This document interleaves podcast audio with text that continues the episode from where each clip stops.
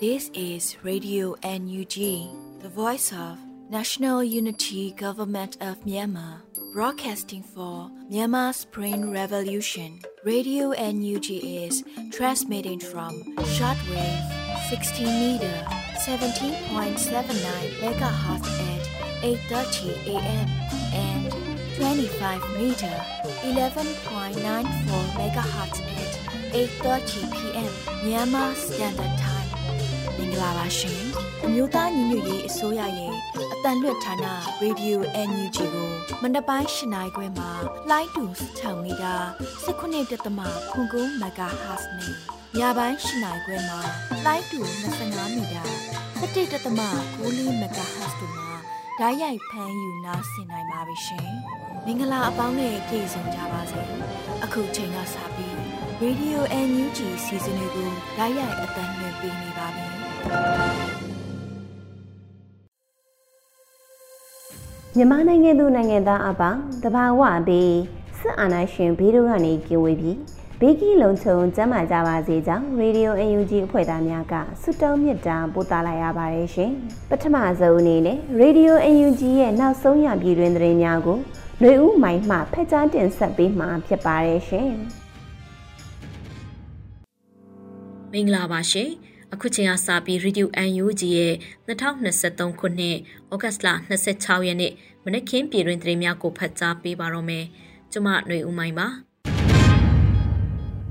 1982ခုနှစ်နိုင်ငံသားဖြစ်မှုဥပဒေတေချာပေါက်ကိုအသစ်ပြန်လည်ရေးဆွဲမယ်လို့ UNG နိုင်ငံချိုင်းဝင်ကြီးပြောကြားတဲ့သတင်းကိုပထမဆုံးတင်ပြပေးသွားပါမယ်။ 1982ခုနှစ်နိုင်ငံသားဖြစ်မှုဥပဒေသေးချာပုတ်ကိုအသစ်ပြန်လည်ရေးဆွဲရမယ်လို့ဩဂတ်စ်လ25ရက်မှာကြာရောက်တဲ့6နှစ်မြောက်ရိုဟင်ဂျာလူမျိုးတုံးသက်ဖြတ်မှုအောက်မေ့ဖွယ်အခမ်းအနားဆွေးနွေးပွဲမှာနိုင်ငံခြားရေးပြည်ထောင်စုဝန်ကြီးဒေါ်စင်မအောင်ကပြောပါတယ်။ခက်ပြောင်းစနစ်ပြောင်းကိုတွားမှတားလှင်ဖို့ရိုဟင်ဂျာလူမျိုးစုတွေအပါအဝင်အခြားသောလူမျိုးစုတွေခွဲခြားဆက်ဆံခံရတာတွေ လူမျိုးတုံးသက်ဖြတ်မှုတွေကြဲကြဲပြန့်ပြန့်ဖြစ်ပေါ်နေတာဟာကျမတို့လူအဖွဲ့အစည်းထဲမှာဘယ်လောက်အထိပေါ့ခွဲခြားဆက်ဆံမှုနဲ့အမုန်းတရားတွေဖြစ်နေလဲဆိုတာကိုဖော်ပြနေတာဖြစ်တယ်။ဒါကြောင့်တော်လှန်ရေးနဲ့တဆက်တည်းပြန်ချိတ်ဆက်ရမယ်ဆိုရင်82နိုင်ငံသားဥပဒေဆိုတာတေချာပေါက်ကိုအသစ်ပြန်လဲရေးဆွဲရမှာဖြစ်တယ်။ ဒါအပြင်ခက်အဆက်ဆက်တွင်ခွဲခြားဆက်ဆံခံရသောဖြစ်စဉ်များကိုအတိအမှတ်ပြုကာတမိုင်းတင်ခန်းစာအဖြစ်မှတ်ယူကြောင်းလဲဝင်းကြီးကဆိုပါရရှင်။ဆက်လက်ပြီးအကြမ်းဖက်တိုက်ဖြတ်ရေးဗဟိုကဗဏ္ဍာရေးစစ်မျက်နှာကိုအဓိကဖြစ်အောင်ဆောင်ရွက်နေတယ်လို့ပြည်ထရေးဝန်ကြီးအသိပေးတဲ့သတင်းကိုတင်ပြပါမယ်။ ဩဂတ်စ်လ25ရက်မှာပြုလုပ်တဲ့ပြည်ထောင်နဲ့လူမှုကြီးကြပ်ဝင်ကြီးဌာနနဲ့မြို့နယ်ပြည်သူ့အုပ်ချုပ်ရေးဖွဲ့များမြို့နယ်လုံခြုံရေးတပ်ဖွဲ့များတွိတ်ဆုံဆွေးနွေးပွဲမှာပြည်ထောင်ဝင်ကြီးဦးလုံကိုလက်ကအခုလိုပြောပါရယ်။ဩဂတ်စ်လ24ရက်နေ့၌အကြမ်းဖက်တိုက်ဖျက်ရေးဗဟိုအဖွဲ့မှအမိန့်ကြော်ညာစာအမှတ်32မြင်းဆောင်2023ဖြင့်စစ်ကောင်စီထုတ်ဝေသော တရားမဝင်2000တန်ငွေစက်ကူများကိုပုတ်ကလစ်ကဗန်များနဲ့ငွေကြေးဝန်ဆောင်မှုလုပ်ငန်းများတွင်တုံးဆွဲခြင်းမပြုလိုရန်တားမြစ်မိန့်ထုတ်ပြန်ခဲ့ပါကြောင်းဂျာကာလာဗဟိုဘဏ်မှလည်းတရားမဝင်သည်ကိုထုတ်ပြန်ခဲ့ပြီးဖြစ်ကြောင်းလက်ရှိတွင်အကြမ်းဖက်စစ်ကောင်စီအားကာဏ6ရက်နဲ့ ဟန်ချက်ညီညီတိုက်ထုတ်ဆောင်ရွက်လက်ရှိပါကြောင်းအကြမ်းဖက်တိုက်ဖျက်ရေးဗဟိုကဗန္နာရေးစစ်မျက်နှာကိုအဓိကဖြစ်အောင်ဆောင်ရွက်နေပြီးဖြစ်ကြောင်းမြို့နယ်ပြည်သူ့အုပ်ချုပ်ရေးအဖွဲ့များမြို့နယ်လုံခြုံရေးတပ်ဖွဲ့များမှလည်းလုပ်ငန်းဆောင်ရွက်မှုတွင်ပြည်သူများနဲ့ထိတ်တိုက်တွေ့ဆုံမှုမဖြစ်စေဘဲအသိပညာပေးခြင်းစီယုံရေးအမြင်ဖြင့်သာအဓိကထားဆောင်ရွက်ကြရန်ဖြစ်ပါကြောင်းဝင်းကြီးကဆိုပါတယ်။ အစည်းအဝေးသို့ပြည်ထောင်စုဝန်ကြီးဦးလုံကိုလက်မှဦးဆောင်ကအမြဲတမ်းအတွင်းဝင်တွဲဖက်အမြဲတမ်းအတွင်းဝင်များပြည်သူ့အုပ်ချုပ်ရေးဦးစီးဌာနရုံးအဖွဲ့ဝင်များစကိုင်းမကွဲပဲခူးတနင်္သာရီအေရဝတီမန္တလေးရန်ကုန်တိုင်းဒေသကြီးများရှိမြို့နယ်ပြည်သူ့အုပ်ချုပ်ရေးအဖွဲ့များမြို့နယ်လုံခြုံရေးတပ်ဖွဲ့များမှတက်ရောက်ခဲ့ကြပါရရှင်။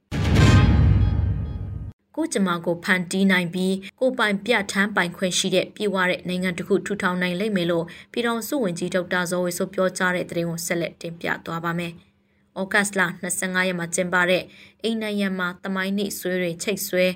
ဝေဟင်ယာမှာ drone တောင်ပန်းတွေပြန့်ကျဲကမ်ပိန်းဖွင့်ပွဲအခမ်းအနားမှာပြည်တော်စုဝင်ကြီးကအခုလိုပြောပါတယ်။ကျွန်တော်တို့ဒေါ်လာရင်းဟာတိတ်ချပေါက်အောင်မြင်မှာဖြစ်ပါတယ်။ကျွန်တော်ထင်ပါတယ်။တာယာဝပြောတဲ့အားလုံးအတူရှင်တွဲနေထိုင်နိုင်တဲ့ ကိုကျမကိုဖန်တီးနိုင်တဲ့ကိုပိုင်ပြတ်ထမ်းပိုင်ခွင့်ရှိတဲ့လူနည်းစုရောလူတိုင်းလူတိုင်းပြည့်ဝတဲ့နိုင်ငံတစ်ခုထူထောင်နိုင်လိမ့်မယ်လို့အကျွမ်းမဲ့ယုံကြည်ပါတယ်။ဒီလူငယ်တွေရဲ့ပါဝင်မှုတွေစကားတန်တွေဤပညာတွေဒါတွေအားလုံးဟာကျွန်တော်တို့နိုင်ငံရဲ့အနာဂတ်ကိုတွေ့နေရတာဖြစ်ပါတယ်လို့ဆိုပါတယ်။လက်ရှိမှာအမျိုးသားညီညွတ်ရေးအစိုးရဟာ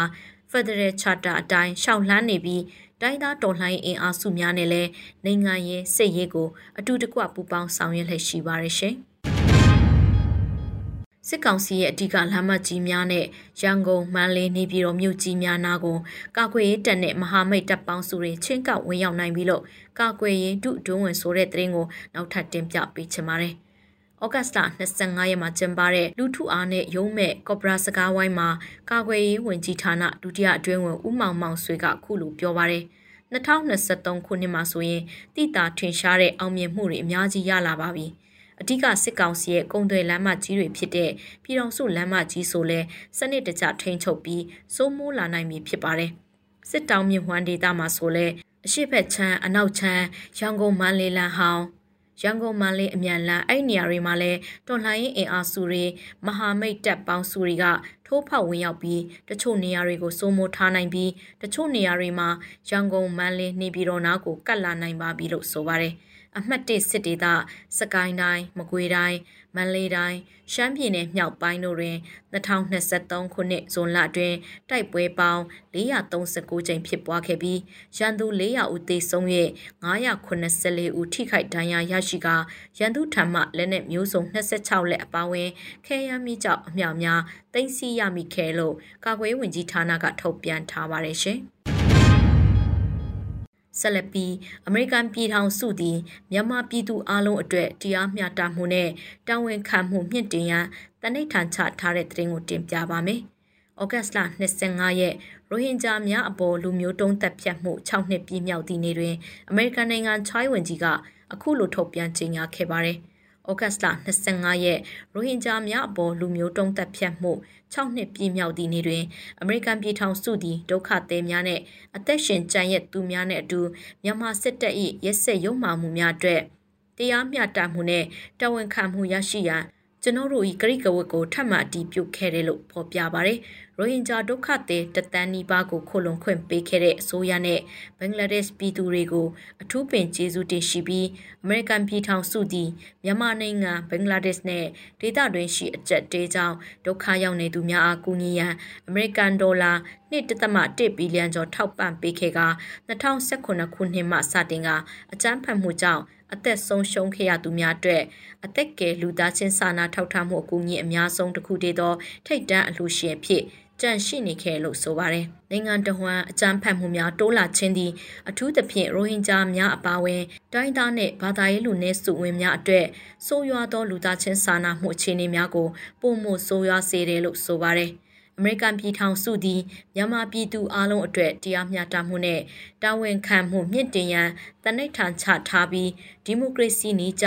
အလုံးပါဝင်ပြီးငြိမ်းချမ်းသောအနာဂတ်အတွက်၎င်းတို့၏မျှော်မှန်းချက်တိုင်းမြန်မာပြည်သူပြည်သားများနဲ့စီလုံးညီညွတ်စွာဆက်လက်ရည်တည်သွားမှာဖြစ်တယ်လို့ဆိုပါရရှင်ဆက်လက်ပြီး CU project မှာရရှိခဲ့သောလက်နက်များကို KNDF ဗျူဟာလေးအောက်မှ တပ်ရင်းများကိုလက်နက်အနှင်းပွဲခါနာကျင်းပတဲ့တဲ့ရင်ကိုတင်ပြပါမယ်။ CU project မှာရရှိခဲ့သောလက်နက်များကို KNDF ပြူဟာလေးအောက်မှတပ်ရင်းများကိုလက်နက်အနှင်းပွဲခါနာကျင်းပခဲ့လို့ CU Defense ကဩဂတ်စ်လ25ရက်မှာအတိပေးဆိုထားပါတယ်။ CU project မှာရရှိခဲ့သောလက်နက်များကို KNDF ဗျူဟာလေးအောင်မှတက်ရင်များဖြစ်သောတက်ရင်1 တက်ရင်9တက်ရင်6နဲ့တက်ရင်9တို့ကိုပေးအပ်ခဲ့ပါတယ်။ဤကဲ့သို့လွတ်လပ်သောလက်နက်များဖြစ်တင်းနိုင်ရဲ့အတွက် CUT ဆောက်ရာတွင်အဖက်ဖက်မှကူညီအားဖြင့်ပံ့ပိုးပေးခဲ့သောတော်လှန်ပြည်သူများ influencer များနဲ့နိုင်ငံအသီးသီးမှ fundraiser များသားမက OFP Official Fundraising Program ကိုလည်းအထူးပင်ကျေးဇူးတင်ရှိပါတယ်လို့ဆိုထားပါတယ်။ အခမ်းအနားတွင်ဗျူဟာလေးရဲဘော်များမှစစ်ရေးပြသခဲ့ပြီး KNDF ဌာနအသီးသီးမှတာဝန်ရှိသူများဗျူဟာလေးမှတရင်မှုတက်ခွဲမှုများရဲဘော်များနဲ့မြေပြင်ရှိဖန်ရိုင်ဇာများတက်ရောက်ခဲ့ကြပါတယ်ရှင်။ ကရင်နီပြည်ရဲတပ်ဖွဲ့မှ2022-2023ခုနှစ်တွင်ရဲစခန်းတစ်ခုနဲ့လုံခြုံရေးရဲကင်းနှစ်ခုထပ်မံတိုးချဲ့ဖွင့်လှစ်နိုင်ခဲ့ပြီးအမှုပေါင်း129မှုဖမ်းဆီးအရေးယူနိုင်ခဲ့တဲ့သတင်းကိုဆက်လက်တင်ပြပါမယ်။ကရင်နီပြည်ရဲတပ်ဖွဲ့မှ2022-2023ခုနှစ်တွင်ရဲစခန်းတစ်ခုနဲ့လုံခြုံရေးရဲကင်းနှစ်ခု ထပ်မံတိုးချဲ့ဖွင့်လှစ်နိုင်ခဲ့ပြီးအမှုပေါင်း129မှုဖမ်းဆီးအရေးယူနိုင်ခဲ့လို့ကရင်နီပြည်ရဲဌာနနှစ်နှစ်ပြည့်စီရင်ခံစာမှာဖော်ပြတည်ပေးထားပါတယ်။ရခိုင်နှစ်တွင်ကရင်နီပြည်ရဲတပ်ဖွဲ့သည်အမှုပေါင်း253မှုဖမ်းဆီးအရေးယူနိုင်ခဲ့ပါတယ်။ 2022-2023ခုနှစ်တွင်ရဲစခန်းတစ်ခုနှင့်လုံခြုံရေးရဲကင်းနှစ်ခုထပ်မံတိုးချဲ့ဖွင့်လှစ်နိုင်ခဲ့ပြီးအမှုပေါင်း129မှုဖမ်းဆီးအရေးယူနိုင်ခဲ့ပါတယ်လို့ဖော်ပြပါတယ်။ဒါအပြင်ကရင်နီပြည်ရဲများစွမ်းရည်ထက်မြက်ပြေဝစေရန်နိုင်ငံတကာဖွဲ့စည်းများနဲ့ချိတ်ဆက်နိုင်ခဲ့ပြီးလေးလာတင်ယူမှုများထပ်မံတိုးချဲ့လှုပ်ဆောင်နိုင်ခဲ့ပါတယ်ရှင်။ ခင်ဦးရင်စစ်ကောင်စီတပ်စစ်ကြောင်းနှစ်ခုကြောင့်ဒေသခံ8000ကျော်ထွက်ပြေးတိမ်းရှောင်နေရတဲ့တဲ့ရင်ကိုနောက်ထပ်တင်ပြပါမယ်။စကိုင်းတိုင်းဒေသကြီးရွှေဘိုခရိုင်ခင်ဦးမြို့နယ်တွင် အကြမ်းဖက်စစ်ကောင်စီမှစစ်ကြောင်းနှစ်ခုတပြိုင်တည်းချင်းလင်စစ်ကြောင်းထိုးနေမှုကြောင့်ဒေသခံ8000ကျော်ထွက်ပြေးတိမ်းရှောင်နေကြရလို့ခင်ဦးမြို့နယ်တရင်မှန်ပြန်ကြားရေးကဩဂတ်စ်လ25ရက်မှာဆိုပါတယ်။ ချင်းလင်စစ်ကြောင်းတစ်ခုသည်ခင်ဦးမြို့ပေါ်ယမန်နေ့ကပြန်လည်ရောက်ရှိလာသောခမာယ361စစ်ကြောင်းဖြစ်ပြီးယမန်နေ့ညကလေးကမြို့ပေါ်မှထွက်လာရာယခုပင်တင်းရွာအနီးရောက်ရှိနေသောကြောင့်ပင်တင်းရွာဒေသခံများအပါအဝင်အနီးဝန်းကျင်ရှိကျေးရွာ3ရွာမှဒေသခံ3000ကျော်ဟာဘေးလွတ်ရာထွက်ပြေးနေကြရပါတယ်လို့ဆိုပါတယ်နောက်ထပ်ခြေလင်းဆက်ကြောင်းတစ်ခုသည်ရွှေဘိုနယ် မြင့်စည်းပြူရွာရောက်ရှိသောရေဦးမှထွက်လာသည့်အင်အားတရာကျော်ပါစစ်ကြောင်းဖြစ်ပြီးရွှေဘိုနယ်တရက်ပင်ဝန်းကျေးရွာမှခင်ဦးနယ်အနောက်တောင်ချမ်းရှိကျေးရွာများစီလက်နက်ကြီးငယ်များပစ်ခတ်လာသောကြောင့်ရွှေဘူးခင်ဦးနယ်ဆက်ကြပင်အိုင်တရက်ပင်ဝန်းညောင်ပင်ကြီးစုတိန်တော်စသည့်ကျေးရွာများမှဒေသခံ9000ကျော်ထွက်ပြေးတိမ်းရှောင်နေကြရလို့သိရပါတယ်ရှင်။ ကရင်နီပြည်ရှားတော်မြို့နယ်ကစစ်ကောင်စီတပ်ကိုရိတ်ခါလာပို့တဲ့ခမာယ919စစ်ကြောင်းကိုကရင်နီ KA တပ်တော်နဲ့ပူပေါင်းတပ်များတိုက်ခတ်ရာစစ်ကောင်စီဘက်ကအရာရှိ2ဦးအပါအဝင် အများပြားတေဆုံးကလက်နက်များတင်စီရရှိတဲ့တရင်ကိုနောက်ဆုံးတင်ပြပေးပါမယ်။ ကရင်နီပြည်ရှားတော်မြို့နယ်ကစစ်ကောင်စီတပ်ကိုရိတ်ခါလာပို့တဲ့ခမာရ919စစ်ကြောင်းကိုကရင်နီ KA တပ်တော်နဲ့ပူးပေါင်းတပ်များတိုက်ခတ်ရာစစ်ကောင်စီဘက်ကအရာရှိ2ဦးအပါအဝင် အများပြားတေဆုံးကလက်နက်များတင်စီရရှိခဲ့ပါတယ်။ ကရင်နီပြည်နယ်ရှားတော်မြို့နယ်ကစစ်ကောင်စီတပ်ကိုရိတ်ခါလာပိုးတဲ့ခမာယ919စစ်ကြောင်းကိုဩဂတ်စ်လ23ရက်နေ့က KA ပူပေါင်းအဖွဲ့ကတိုက်ခိုက်ခဲ့ရလို့ကရင်နီစစ်ဖက်တရင်ရင်းမြစ်ကအတိပေးဆိုထားပါတယ်။ဖြစ်စဉ်မှာစစ်တပ်အရာရှိ2ဦးအပါအဝင်စစ်ကောင်စီတပ်ကအယောက်30နီးပါးတေဆုံးခဲ့လို့သိရပါတယ်။စစ်ကောင်စီစစ်ကြောင်းကိုတိုက်ခိုက်ခဲ့ရမှာလက်နက်အများပြားတင်စီရမိခဲ့ပြီးလက်နက်ငယ်၁၄လက် ငကြင်းမီဆက်လက်တလက်စိန်ပြောင်းလက်နဲ့ကြီးလေးလက်ပါဝင်ခဲရန်တွေကိုတင်စီရမိခဲ့ရလို့သိရပါတယ်ရှင်။အခုတင်ပြခဲ့တဲ့သတင်းတွေကို Radio UNG သတင်းထောက်မင်းတီဟန်ကပေးပို့ထားတာဖြစ်ပါတယ်ရှင်။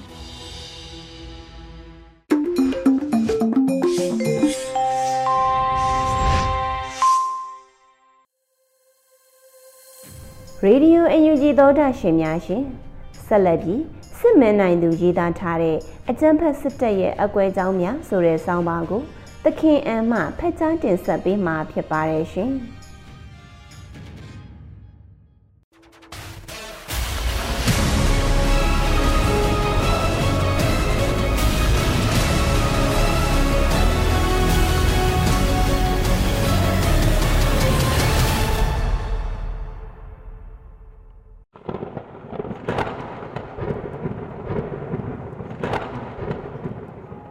ကျန်းဖက်စစ်အုပ်စုကပြည်သူအာဏာကိုလူယူဖို့စ조사နေတဲ့နှစ်နှစ်ကျော်ကာလတစ်လျှောက်မှာရခင်ကမဖြစ်ဖူးတဲ့တက်တွင်းအာဏာဖီဆန်မှုတွေများစွာဖြစ်ပေါ်တာကိုတွေ့ရပါတယ်။မောင်မြင်တဲ့အာဏာလူမှုကိုစခဲ့တဲ့အချိန်ကလေးကဒီလောက်ရက်ကိုလက်မခံပဲပြည်သူရင်ဝင်ခိုးလုံခဲ့ကြတဲ့စစ်သားရဲသားတွေရှိခဲ့တယ်လို့အခုနောက်ပိုင်းမှာလဲတရေးလိုက်တက်ဖွဲ့လိုက်တော်လိုင်းအင်အားစုတွေဘက်ကိုလက်နက်ချအလင်းဝင်တာတွေပြည်သူရင်ဝင်ခိုးလုံတာတွေ ဇက်တိုက်ဆိုသလိုဖြစ်ပေါ်နေပါတယ်။ဒါတွေအပြင်တက်တွင်းကနေထွက်ခွာဖို့အခွင့်အရေးမရသူတွေဟာတက်တွင်းအမိတ်မနာခံမှုအာနာဖီဆန်မှုဖျဲသီးတွေအနေနဲ့တော်လှန်ရေးမှာတိတ်တဆိတ်ပါဝင်မှုတွေကလည်းတဆထက်တဆများပြားလာတာတွေ့နိုင်ပါတယ်2023ခုနှစ်ဇူလိုင်လတလတဲ့အတွင်းမှာဖြစ်ပွားခဲ့တဲ့ဖြစ်စဉ်တွေကိုစူးစီးပြရမယ်ဆိုရင်6မြို့နယ်ခလာရ73ခြေလင်တက်ရင်ကတက်မှမှုအပါဝင် စစ်သား9ဦးကစစ်မတိုက်နိုင်လို့ဆိုပြီးကချင်ပြည်နယ်ရှေ့တန်းမှာအမိတ်အာဏာဖီဆန်ခဲ့တာကြောင့်ဖမ်းဆီးခံခဲ့ရပါတယ်ဇူလိုင်12ရက်နေ့ကစကိုင်းတိုင်းရင်းမာပင်ခရိုင်နုံကြီးရွာအနီးတိုက်ပွဲဖြစ်ပွားချိန်အတွင်းမှာလေစစ်ကောင်စီရဲ့လေကြောင်းပစ်ကူနာမခကနေရောက်လာတဲ့ MI35 ဟာသူတို့အချင်းချင်းပေါ်မှားယွင်းပစ်ခတ်ခဲ့တာတွေဖြစ်ခဲ့ပါတယ်။ဒါအပြင်နာမခစစ်ကောင်စီတပ်မိသားစုဝင်အချို့ကနေ အလူငွေလျှို့ဝှက်ထောက်ပံ့တာမျိုးရှိတယ်လို့အောင်ဆန်း Force ASF မုံရွာခရိုင်အမှတ်9တိုင်ရင်ကလည်းထုတ်ပြန်ခဲ့ဘူးတာကြောင့်နာမခမှာတက်တွင်းမိသားစုတွေခေါ်ယူစစ်ဆေးမှုတွေဖြစ်ခဲ့ပါတယ်။ဇူလိုင်23ရက်နေ့မှာတော့မြောက်ပိုင်းတိုင်းစစ်ဌာနချုပ်တိုင်မူဗိုလ်ချုပ်ကိုကိုမောင်ဒုတက်ရင်မှုအောင်နိုင်ဦးပြည်နယ်လုံခြုံရေးနဲ့နယ်စပ်ရေးရာဝန်ကြီးဗိုလ်မှူးကြီးအောင်ကြည်လင်းဖားကန်အထူးကုကဲရေးတာဝန်ခံတက်မ33တက်မမှုကိုကိုလွင် ဂန့်တောင်ရန်ဒေတာအထူးကုကဲရေးတာဝန်ခံတက်မ88ကတက်မမှုနဲ့ဗိုလ်မှူးကြီးအဆင့်ရှိတဲ့နှစ်ဦးတို့ကိုစစ်ကောင်စီဌာနချုပ်ကလာရောက်ဖမ်းဆီးခဲ့တာဖြစ်ခဲ့ပါတယ်။သူတို့ရဲ့ဇနီးတွေကိုပါစစ်ဆေးနေပြီးတော့ဒီဖမ်းဆီးမှုဟာ KIA နဲ့စီရေးတင်းမာနေချိန်မှာဖြစ်ပွားခဲ့တာပဲဖြစ်ပါတယ်။ဇူလိုင်26ရက်နေ့ကလည်းစစ်ကောင်စီရဲ့ကံရိုးတန်းဒေတာတိုင်းစစ်ဌာနချုပ်ဒုတိုင်မှုဗိုလ်မှူးချုပ်တစ်လွင်ထူး တနင်္သာရီတိုင်းလုံခြုံရေးနဲ့နေဆက်ရေးအောင်ဝင်ကြီးဗိုလ်မှူးကြီးသိန်းလင်း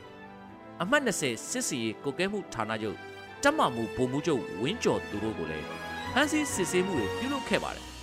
။ဇူလိုင်လနောက်ဆုံးပတ်မှာဆိုရင်မင်းအောင်လှိုင်ရဲ့အယုံကြည်ရဆုံးပုံကိုယ်တွေတဲကတယောက်ဖြစ်တဲ့အမတ်တစ်စစ်စင်ရေးအထူးဖွဲ့မှုကဆထတစ်မှုဒုတိယဗိုလ်ချုပ်ကြီးတေဇကျော်ကိုပါဖမ်းဆီးစစ်ဆေးနေတယ်လို့သတင်းအရစ်မြစ်တွေရသိရပါတယ် ဒီလိုတက်တွင်းအာဏာဖီဆန်မှုထိပ်သီးခေါင်းဆောင်တွေကိုအရေးယူမှုကြီးတွေနဲ့အတူတက်တွင်းစီးလုံးမှုကလည်းတနေ့တခြားပြည့်ရွင်လာနေပါတယ်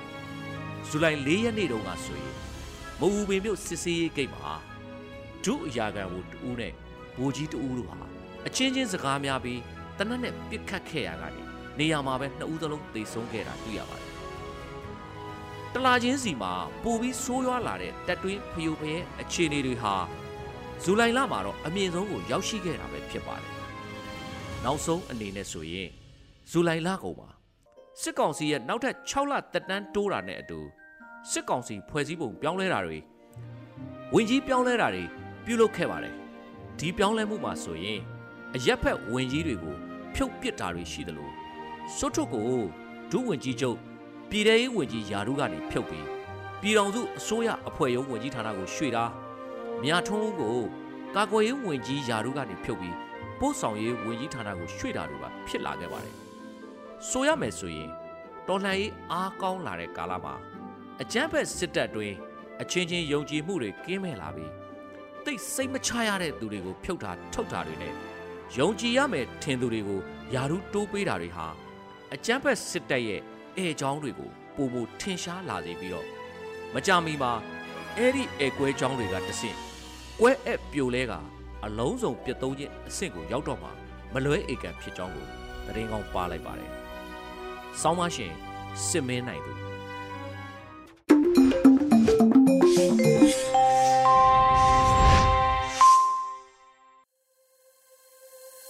ရေဒီယိုအယူကြီးမှဆက်လက်တမ်းလွှင့်နေပါတယ်။ဆက်လက်ပြီးတော်လန်ရေးတေဂီတာအစီအစဉ်အနေနဲ့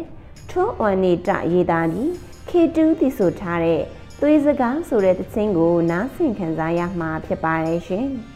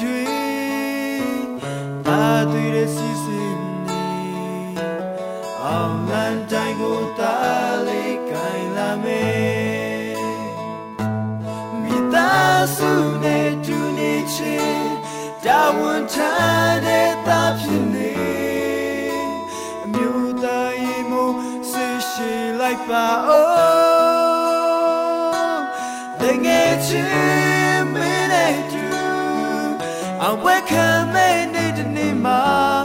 အမေတိုင်းမဲ့ခေါင်းချိုလေးနဲ့အတင်းဆို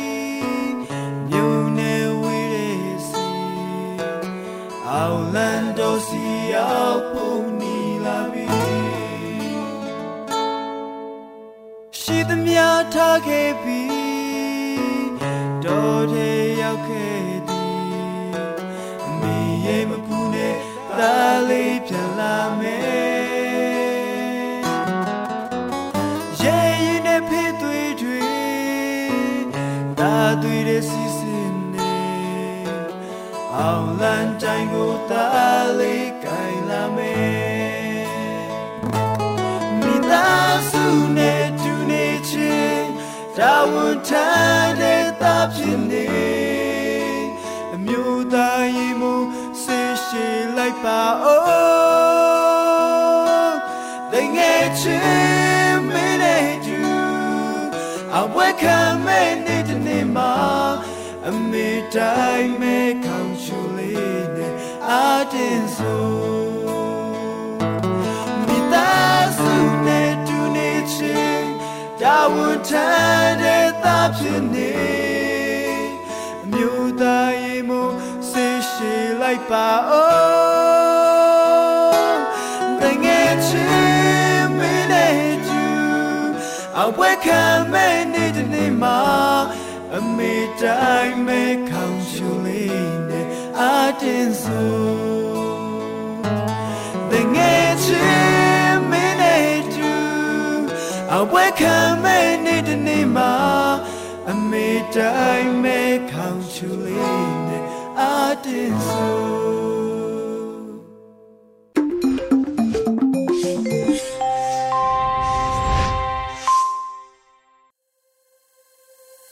ဆက်လက်ပြီးတိုင်းရင်းသားဘာသာစကားအစီအစဉ်အနေနဲ့ ချိုချင်းဘာသာစကားခွဲတစ်ခုဖြစ်တဲ့ဒိုင်းဘာသာစကားဖြင့်သတင်းထုတ်လွှင့်မှုအစီအစဉ်ကိုတင်ဆက်ပေးမှာဖြစ်ပါတယ်။ဒီအစီအစဉ်ကို Radio UNG နဲ့ချိုချင်းဘာသာစကားထုတ်လွှင့်မှုအဖွဲ့တို့ကပူးပေါင်းထုတ်လွှင့်တာဖြစ်ပါတယ်ရှင်။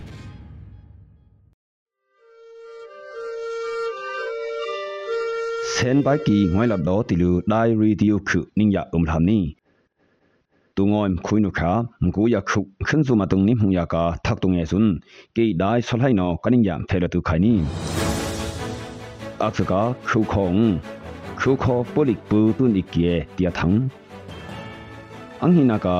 มินตัมลุนเฮียเซฟทีมสิกทีปูนอเซยัมตุนติเกียเตียทังปีไม่ใบเวกินี ak thumna ka mbappe abung ndruk yong sum bin honi ti lu NUG boy no pet ki tia thang akhuna ka mpa se sa ya anim khe ya si yang kho ba ya yum ma lu khut mi wai ti lu UN maha min ji no yam so ki tia thang e nya ngai du khaye ka kini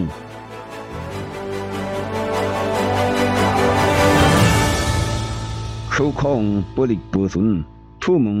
နီကီယာတွန်အီနီတီလူ ชูโคปุลิกปูนอตูคาอัมกูมทบุงทังอักปราหัวกักินีชูโคอาอุบอมายาทุมนิ่งอตุยลามไมขุดบีขอวายพุตุนอีนี้ติลูอันนี้เป็นอากากินีอาหินหิน CTM ปุลิกปูนออันนี้ปุคงอากากี Interim Chin National Consultative Council ICNCC นออาหินอายุมเอือกบา NUG นอปี ahik ma khu kho polik pu ani tun i sun ayum ua ka kini khu kho a au om mai khe ka sanya kie thum ning avyak ba khe ya si yang bai sei hai prim ha ku yoi tu wa ya factory democracy ndi wa ya phu ahina pu tun i ni tilu thumung ve kini khu kho polik pu hin ga kha apui lama tung ning thumning mkhaning fetre polika among lam ya akse thumning e sun yang thi ulu polik khat ki bya khat kai ba ke ka kini main tam lun he safe team sik thi pu no se ya tuim chin hu ki e tia thang ya ka ka kini kong ima tha se ne ung seng dui vitamin e ya tu ulu ping nap umung bi rai sata among lam yam thi ki e ti lu se yung ntama mano pekini นำอาบุงปุมซาอังซิงเทงไวปียามสุเกียนีมินตัมลุนเฮียเซสปูนอเซซอนกุนปันยามครบงไกอุลูกูกับซีไฮอภูกูอีโลกินีเซฟทีมสิกทีปูหินกาลาอัปโรโลกนามินตันเฮนำฮลิงฮิงเซียมตุมทินฮุกีมินตัดอาทัยปัวกากินีมปาเปอบุงคนเฮอภูพุงดรุกยองพระพุทธ sum ein hong ki tilu mot nug no pekini ahina drok yong hin ntuk kho ba ya pakha nge a ang puing po na yam sum ton lu ntuk nang thana lingam bu ten na ntuk nak ya thang be hrim tha na ba yung ani sum iya kakini tua kum khui no kha um hinung pdf ta yin phak thum jun lu he phrang hi ko nung khuk ti bung ve ulu khak tha တိဘုံဝဲဥလူခါသာအတိငုံဝဲကီတီလူ NUG နောပက်ကိနီတူအကုမ်ဟင်နုံနက်မယာခခုမ်နီတီလူ NUG နောခုအတာမဘာအဟင်ဟင်ခုတ်ခောအငါခုဒဘီဝယာတောင်းယမ်လော့ကီပီဝက်ကီ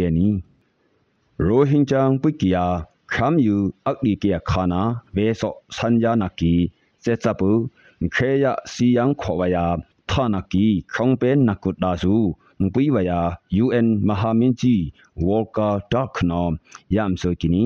ဘပေယာစေချပူအစန်ယာဝေဆောยามครบมกัดวายาตัวทักาทำดับกียาทานักวายาเป็ดกินีอาหินหินโรฮิงจาอันยานหิมนักขอกุบขุกอสูบนากาอัมหุปุงอเปนากากินีโรฮิงจาเออักลีมาอันนี้เบขอดาอันนี้เสเบขอวายา ခရမ်ယူမတာအနင်းမင်းယာတောက်ဘယာဥပအုံးလူခါငါအနိရမ်တာဆွန်အနိရအိခောဘယာယူမာကကီတီလူမဟာမင်းကြီးနော်ပက်ကီနီနိခေလောခောကုပ်ခုကုံစေစပူနော်ရိုဟင်ဂျာမစီမစ်ခယာအယာနိမုံမီလောသာကီသာစန်ဘိကီယာခန်းအတောင်ယာနိမူလူ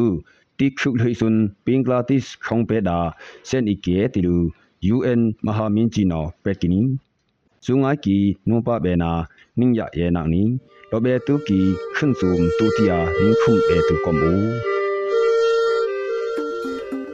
ဒီကနေ့ကတော့ဒီညနေပဲ Radio NUG ရဲ့အစီအစဉ်လေးကိုခေတ္တရ延လိုက်ပါမယ်ရှင်မြန်မာစံတော်ချိန်မနေ့၈နိုင်ခွဲနဲ့ည၈နိုင်ခွဲအချိန်တွေမှာပြောင်းလဲဆိုပြကြပါလို့ရှင် Radio NUG ကို မနက်ပိုင်း၈နိုင်ခွဲမှာလိုင်းတူ16မီတာ19.7 MHz နဲ့ညပိုင်း၈နာရီခွဲမှာလိုင်းတူ25မီတာ17.6 MHz တို့မှာဓာတ်ရိုက်ဖမ်းယူနားဆင်နိုင်ပါပြီရှင်။မြန်မာနိုင်ငံသူနိုင်ငံသားများကိုစိတ်နှဖျားစမ်းမချမ်းသာလို့ဘေးကင်းလုံခြုံကြပါစေလို့ Radio NUG ရဲ့ဖွဲ့သူဖွဲ့သားများကဆုတောင်းလိုက်ရပါတယ်။ San Francisco Bay Area အခြေစိုက်မြမမိသားစုများနိုင်ငံတကာကစေတနာရှင်များလိုအားပေးများရဲ့ရေဒီယို NUG ဖြစ်ပါတယ်ရှင်။အရေးတော်ပုံအောင်ရမည်။